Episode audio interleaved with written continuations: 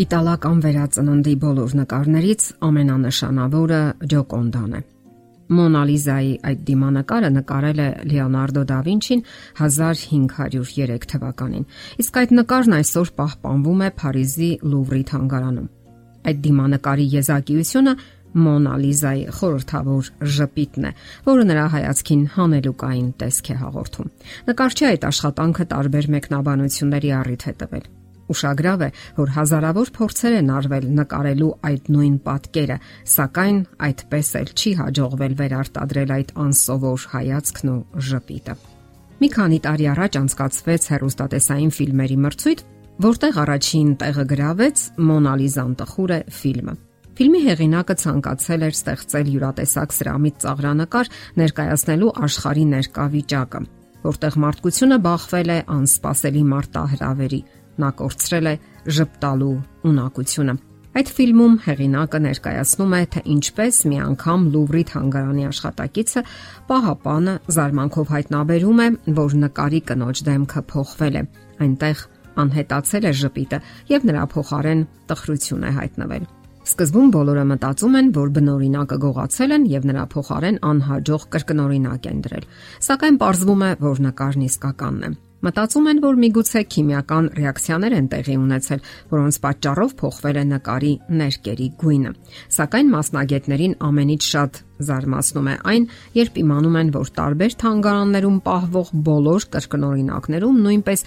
այդ նկարից անհետացել է պատկերի ժպիտը։ Բոլոր նկարներում Մոնալիզան դեմքի տխուր արտահայտություն է ունեցել, եւ այդ փոփոխությունը բոլորը բացատրել են հասարակության մեջ տեղի ունեցած փոփոխություններով։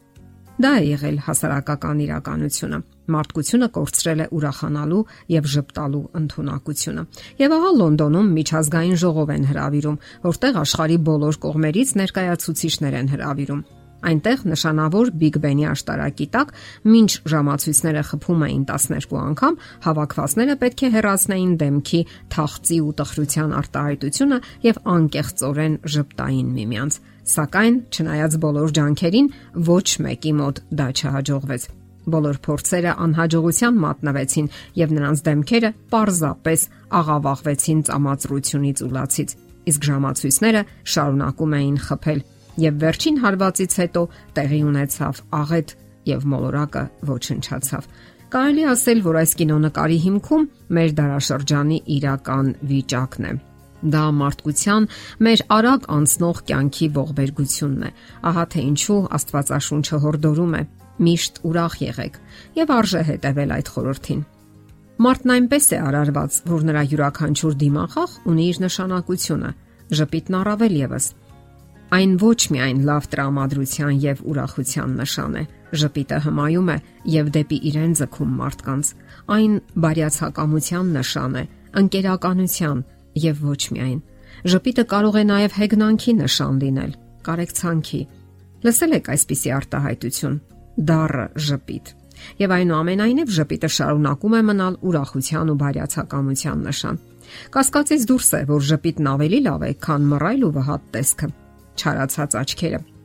Ընդհանրապես, ինչի մասին են խոսում ճպտուն աչքերը։ Թվարկենք այն առավելություններն ու դրականը, որ իր շուրջը տարածում է ժպիտը եւ հատկապես անկեղծ ժպիտը։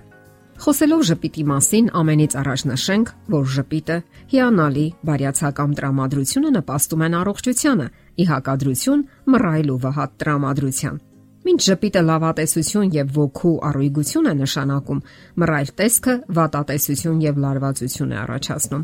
Մարդիկ կասկածանքով են նայում փակ, մռայլ ու վհատ մարդկանց, որոնցից միայն տխրություն եւ անհուսություն է տարածվում շուրջ բոլորը։ Ահա թե ինչու մասնագետները խորհուրդ են տալիս ճպտալ եւ դարձյալ ճպտալ։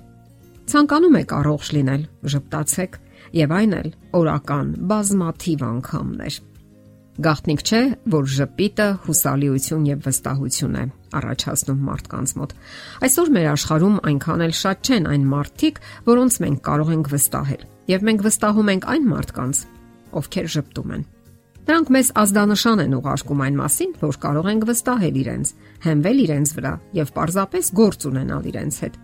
Ընթումված է համարել, որ ժպտացող մարդիկ պատրաստ են կիսվել իրենց ունեցած ամեն ինչով Տնտեսագետ Շարլեմաննի ուսումնասիրությունների համաձայն Ժպիտը մեծացնում է վստահությունը 10%-ով։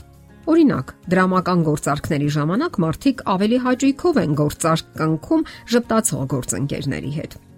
Բոլորս էլ լսել ենք այսպիսի արտահայտություն՝ մեղավոր ժպիտ։ Մարդը ժպտում է, երբ ակամայից ինչ որ վատ կամ սխալ արարք է թույլ տալիս։ Նա մեղավոր ժպտում է, երբ մոռանում է նվեր գնել սիրելի մարդու ծննդյան օրվա կամ որևէ այլ առիթով։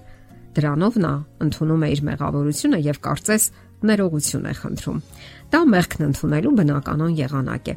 Պարտադիր չէ բարեր որոնել եւ բարձրաձայն արտահայտվել։ Մեղավոր ժպիտը նույնիսկ ընկերականության զգացում է առաջացնում եւ վստահության մտնոլորտ։ Եվ շատ դեպքերում էլ կարգավորում է տարաձայնությունները։ Դե ինչ, Թող ժպիտը լինի ձեր ներքին եւ արտաքին բարյացակամության խորհրդանիշը եւ իհարկե բարեկամության եւ ընկերականության։